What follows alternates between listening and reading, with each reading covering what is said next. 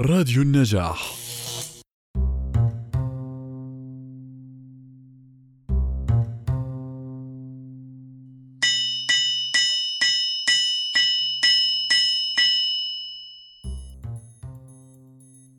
ما بعرف شو الشعور يلي حسيت فيه وإنت عم تسمع هالصوت.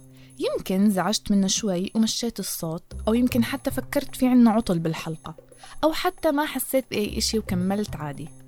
بس عزيزي المستمع بدي أأكد لك إنه هالصوت كان السبب بإنه يشكل فوبيا عند ألبرت. وقبل ما تسألني مين ألبرت رح أحكي لك مين هو. بداية حلقتنا لليوم رح تكون بقصة عن تجربة صارت عام 1920 من قبل عالم النفس الأمريكي جون واتسون وزوجته روزالي راينر وسميت باسم Little Albert Experiment ألبرت هو طفل عمره تسع أشهر. وبيوم من الأيام قرر جون بأنه يطبق عليه نظرية التكيف الكلاسيكي. وقبل ما تسألني شو يعني هذا الحكي رح أشرح لكم إياها من خلال القصة. المهم بعد موافقة من أهله وإعطائهم مبلغ من المال تمت التجربة. أخذوا ألبرت للمختبر وبلشوا ينتبهوا على ردة فعله للأشياء. أول شي عرضوا عليه فار صغير أرنب قرد كلب وأنواع أقنعة مختلفة عليها فرو وكانت ردة فعله عادية جدا وما أظهر أي نوع من الخوف. بالعكس تفاعل معها بطريقة كتير لطيفة وحبهم وبلش يلعب معهم. كل مرة كان جون يعمل هالإشي ويشوف نفس ردة الفعل من ألبرت. بعد شهرين قرر جون يطور هالتجربة أكثر. عرض على ألبرت الفار الصغير ولكن هالمرة جون كان عم بضرب بمطرقة على سطح حديدي ويطلع صوت مزعج من وراء ألبرت بدون ما يشوف شو هذا الصوت. والمفاجأة إنه ألبرت أظهر خوفه من صوت طرقات المطرقة وانزعج منها كتير وبلش يبكي أكثر عملوا هالحركة أكثر من مرة كانوا يجيبوا الفار ويبلشوا يضربوا بالمطرقة وآلبرت كان بكل مرة يفقد أعصابه ويبكي أكثر وبعد خمس أيام لاحظ جون إشي كتير غريب. لما كانوا يعرضوا الفار لحاله بدون أي مؤثرات صوتية على ألبرت كان يخاف ويبكي بشكل كتير كبير مع أنه أساسا صوت ضربات المطرقة اختفى.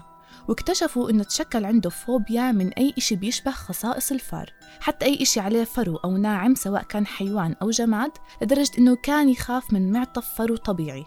لأنه دماغه ربط وجود الفار بصوت المطرقة حتى لو المطرقة أساسا مش موجودة. ولكن وجود أي إشي فرو قدامه أو ناعم كان يشكل له صوت مزعج بدماغه. وطبعا بعد فترة تم تجريم هاي التجربة واعتبارها غير أخلاقية. وعلماء النفس بعد مدة طويلة قرروا إنهم يشوفوا شو صار بحياة ألبرت بعد هالتجربة ولكن اكتشفوا إنه هو أساسا ميت ولكن حفيدته خبرتهم إنه كان يكره الكلاب والحيوانات الأليفة بشكل عام ويخاف منهم. طيب شو يلي عمله جون واتسون؟ وكيف قدر يسيطر على عقل ألبرت ويخدعه بهالطريقة؟ وهل ممكن فعليا يتم السيطرة على عقولنا بدون ما نحس؟ وهل عقلنا الباطن له دخل بكل هالعمليات؟ لأنه عزيزي المستمع في بعض من الفلاسفة والعلماء استنكروا وجود عقل باطن للبشر لهيك بحلقتنا لليوم من بودكاست ماذا لو على راديو النجاح رح نحكي عن ماذا لو اختفى عقلك الباطن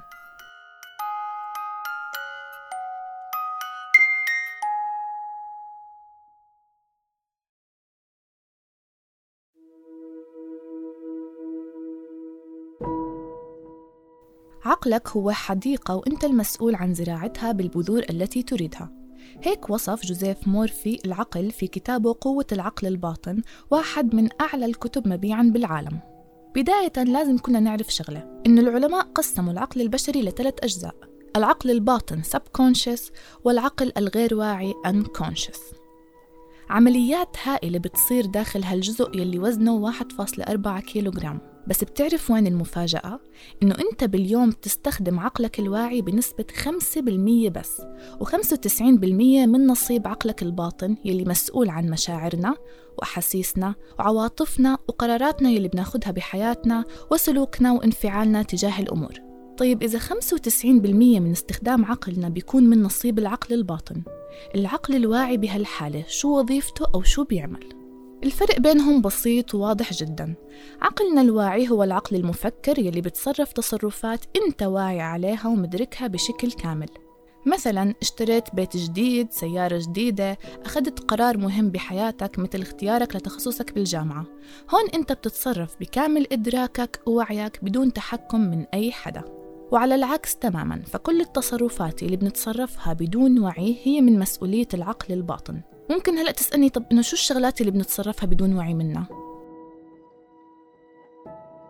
أكبر مثال هو عملية التنفس. إحنا بنتنفس بدون وعي منها. ما بنحس بس بنعرف إنه في عملية شهيق وزفير في أكسجين بيدخل لجسمنا. بس إنه نكون مدركين تماما للعملية وننشغل فيها هالشي من مسؤولية عقلنا الباطن وليس الواعي نبضات القلب، عمليات الهضم، الرمش كلها من مسؤولية وإدارة عقلك الباطن. يعني بنقدر نحكي كل شي تلقائي وبديهي بجسمنا وحياتنا العقل الواعي ما إله دخل فيه. وبحسب كتاب قوة العقل الباطن لجوزيف مورفي ذكر إنه عقلنا الباطن أقوى بمراحل من عقلنا الواعي. وطبيعي هالإشي لأنه بيتحكم مثل ما ذكرنا ب 95% وعلى قد ما هو قوي جدا على قد ما هو غبي. كيف يعني غبي؟ عزيزي المستمع عقلك الباطن غبي لأنه ما بيقدر يفرق بين الصح والخطأ والمنطق وعدم المنطق. أي إشي أنت بتقنعه فيه وبتقدم له إياه رح يتقبله ويأثر عليك من الناحية الجسدية والنفسية. نفسياً أظهرت تجارب عديدة أجراها علماء النفس على أشخاص في حالة تنويم مغناطيسي أثبتت أن العقل الباطن غير قادر على أنه يختار أو يقارن. واحدة من التجارب يلي صارت مجموعة من الأطباء نيموا طلابهم تنويم مغناطيسي وأقنعوهم إنهم شخصيات تانية. حدا من الطلاب خبر الدكتور إنه أنت بسة وفعليا صار يتصرف مثل البسس. طالب تاني خبره الدكتور إنه أنت شخصية نابليون بونابرت وهذا الطالب أساسا كان متأثر بهاي الشخصية. وبالفعل اقتنع بالفكرة وصار يتصرف على هذا الأساس بدون وعي منه.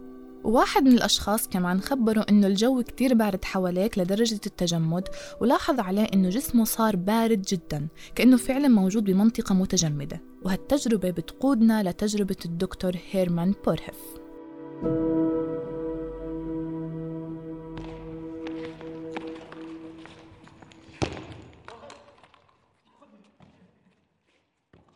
الدكتور بورهيف استخدم بعض المجرمين المحكوم عليهم بالإعدام في تجربته العلمية وبالمقابل بيعطي لأهاليهم مبلغ من المال.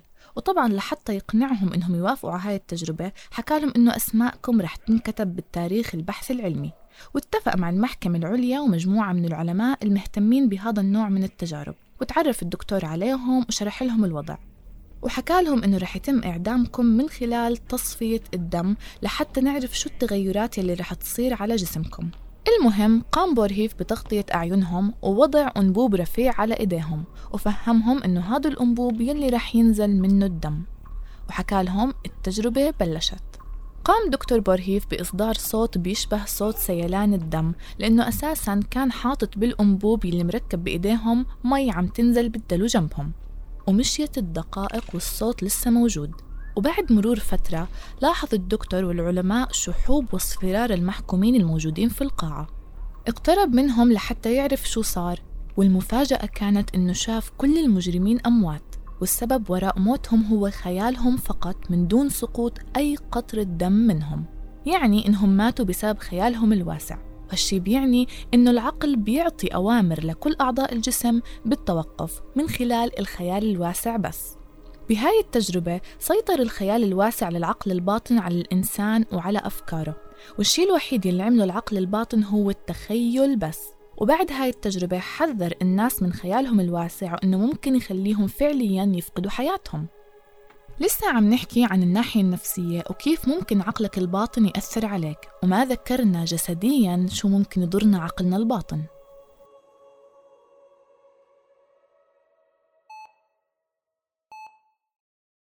بعمركم سمعتوا بعبارة الحمل الكاذب؟ الحمل الكاذب هو اعتقاد المرأة بأنها عم تستنى بيبي بس بدون حدوث حمل فعلي والغريب أنه أعراض الحمل كاملة بتظهر عليها من تعب عام ألم بالظهر ال morning sickness وتغيرات جلدية وحركات داخل البطن وممكن توصل لآلام الولادة كمان طيب شو السبب وليه بيصير هالإشي؟ ببرنامج دكتور فيل عرضوا حالة لبنت بالعشرين من عمرها عم تحكي إنها حامل وفعليا كل أعراض الحمل ظهرت عليها. انتفخ بطنها وحست بوجع بالظهر وكانت تحس بركلات البيبي واقتنعت تماما إنها حامل. ولكن كل يلي حواليها عم بكذبوا هالإشي ولما فحصوها بالاستوديو تبين إنه هالحمل كذب وداخل بطنها ما في جنين ولكن كان عبارة بس عن انتفاخ وكل هالشغلات هاي توهمات. طيب كيف التوهمات تشكلت على إشي حقيقي بجسمها؟ إنه أحكي لك في سبب دقيق وواضح لظاهرة الحمل الكاذب بكون أنا عم بكذب عليك لأنه لحد الآن الأسباب الكاملة مو معروفة. بس التفسيرات اللي طلعوها الأطباء هي أسباب نفسية بتخدع الجسم وبتخليه يفكر بوجود حمل. وأغلب النساء اللي بتصير عندهم هالظاهرة هم نساء ما بيستطيعوا الإنجاب وعندهم رغبة شديدة جدا بأنهم يحصلوا على طفل. هون عقلهم اقتنع بالفكرة اقتناع تام اتمسك فيها ترجم هاي الإشارات بشكل خاطئ الجسم استقبلها وأفرز هرمون الإستروجين والبرولاكتين يلي بيخلوا أعراض الحمل تظهر. ويمكن تستمر هاي الأعراض أسابيع أو تسع أشهر أو حتى سنوات. وفي بعض حالات بتعاني عن جد من ألم الولادة ولكن بدون بيبي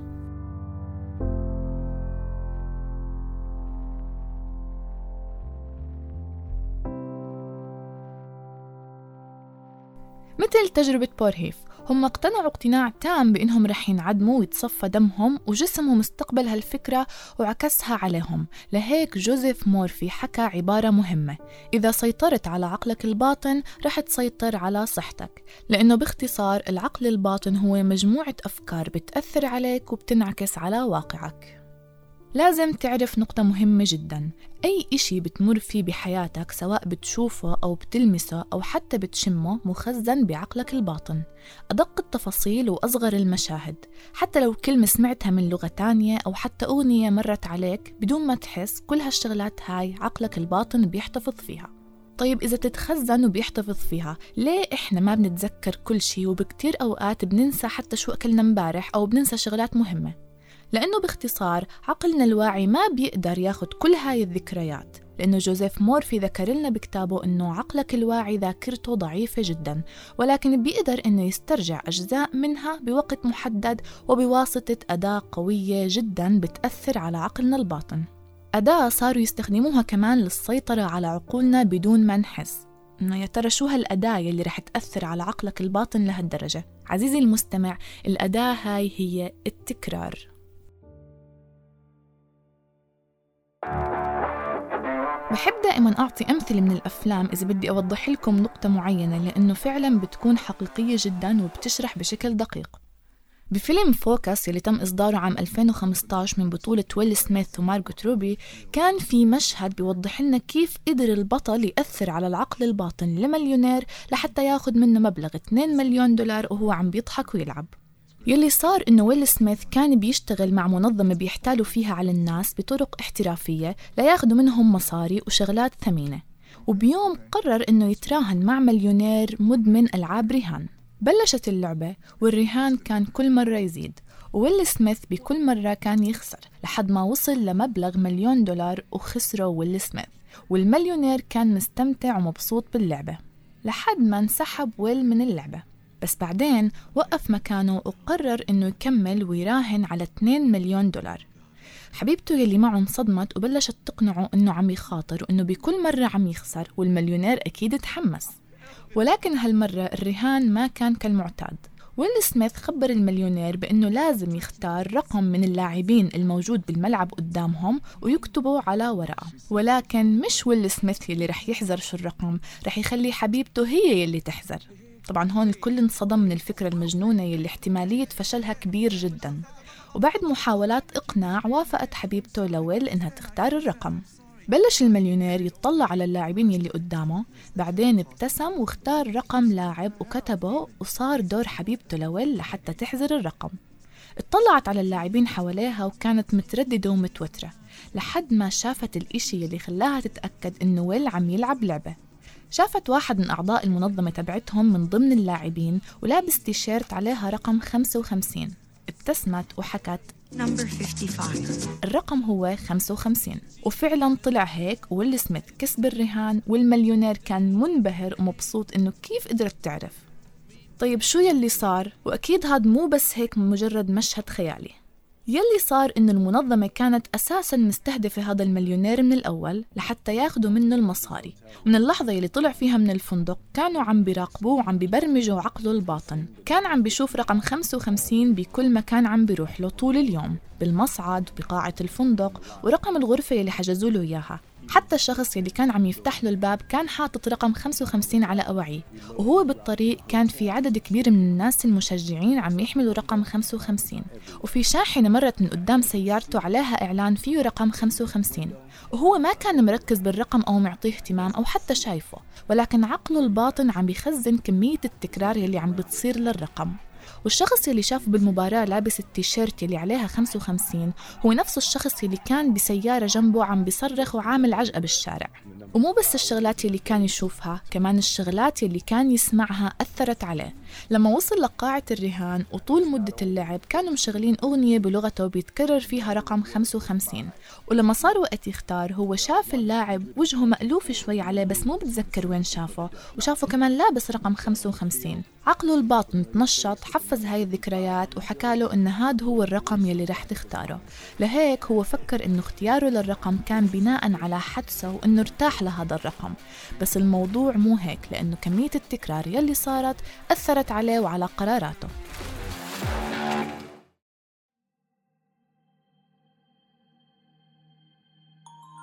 ممكن تستغرب عزيزي المستمع وما تقتنع بكل الكلام هاد ولكن حتى أنت قوة التكرار بتأثر على قراراتك بأبسط الأمور حتى. لنعتبر مثلا إنك رحت تتسوق. عينك رح تروح على أكثر المنتجات اللي بتشوف إلها إعلانات سواء بالتلفزيون بالتليفون أو حتى بالشارع. وبتاخده وإنت مرتاح. حتى لو كنت مش معطي اهتمام لهالإعلان بس رح يلفت نظرك إنك شفته بمكان لأنه تخزن بعقلك الباطن وتكرر وخلاه مألوف إلك. مو بس الإعلانات حتى المنصات اللي بتعرض أفلام على طول بتكرر أفكار وبتزرعها بعقلنا بدون ما نحس. وهالإشي بأوقات بصير كتير خطير بمعنى إنه في أفكار غير مقبولة اجتماعيا بتصير تمر علينا كأنها عادي من كتر التكرار. كتير بنشوف ناس على ال social media بيكرروا كلام تحفيزي مثلا أنا قوي أنا واثق بحالي أنا حلوة أنا بقدر أعمل هذا الإشي. كل هاي الأفكار والجمل اللي بتتكرر على عقلك الباطن بياخدها وبيعكسها على واقعك. لهيك على طول حاول كرر كلمات إيجابية لأنه رح ينعكس عليك والموضوع أبدا مش مزحة. خدعة تانية وبتضحك شوي بيعملها عقلك الباطن فيك. إنه لما تكون أحيانا مستعجل وبدك تطلع وعم بتدور على شغلة ما بتلاقيها مع إنها ممكن تكون قدامك. ولكن بهاي الحالة هو خلاك ما تشوفها وعمل لك block عليها لأنه أنت أساسا مستعجل وما بدك تشوفها يمكن. لهيك بتطلع وبدون ما تشوفها. ولكن لما ترجع وتكون أنت بحالة relax رح تلاقيها قدامك وتفكر إنه حدا أخذها ورجعها حتى. لهيك موضوع عقلك الباطن مش إشي ممكن تستهين فيه لأنه لازم تعرف إنه كل حياتك معتمدة على عقلك الباطن بس لحد الآن عزيزي المستمع ما جاوبنا على سؤال حلقتنا ماذا لو اختفى عقلك الباطن؟ جواب بسيط جدا رح نموت أو رح نصارع بحياتنا لنضل عايشين بالخمسة بالمية يلي ضلوا من عقلنا تخيل إنه 95% من سلوكك وتصرفاتك وردات فعلك ومشاعرك يلي مخزنين بعقلك الباطن يختفوا. رح تفقد غرائزك البشرية تعبيرك عن خوفك أو حزنك أو فرحك مبادئك والشغلات اللي بتآمن فيها حتى. ممكن نحكي إنه رح نتحول لروبوت ما إله مشاعر. والأهم من هاي الشغلات كلها إنه العمليات بجسمنا اللا إرادية رح تاخد منا مجهود كبير مثل التنفس. هلأ أنا لما حكيت كلمة تنفس أنت صرت واعي لعملية التنفس بس بباقي يومك مش عم بتحس فيه. وأنت نايم مو عقلك الواعي اللي بيهتم بهالأمور. أنت بتنام وبترتاح وعقلك الباطن هو يلي بينقذك لتضل عايش وتكمل حياتك كإنسان بشري عنده قلب بينبض وبضخ دم. لهيك ما تصدقوا أي حدا بيحكي إنه العقل الباطن خرافة. هو موجود وقوي وإنت فيك تتحكم فيه. لأنه مثل ما ذكر جوزيف مورفي عقلك أرض زراعية وإنت المسؤول عنه. وبنهاية الحلقة بحب أنصحكم إنكم تقرأوا كتاب قوة العقل الباطن لأنه كتاب رهيب جدا. وحاولت على قد ما بقدر إني أحكي لكم الشغلات اللي ذكرها الكتاب. وهيك بنكون وصلنا لنهاية حلقتنا من بودكاست ماذا لو. بتمنى تكون عجبتكم الحلقة. استنونا بحلقة جديدة وسؤال جديد. وما تنسوا الاستماع لنا عبر المنصات التالية SoundCloud Spotify Google Podcasts وعبر موقعنا النجاح dot net. كنت معكم من الإعداد والتقديم رها الشرقاوي ومن الهندسة الإذاعية أسامة صمادي. إلى اللقاء.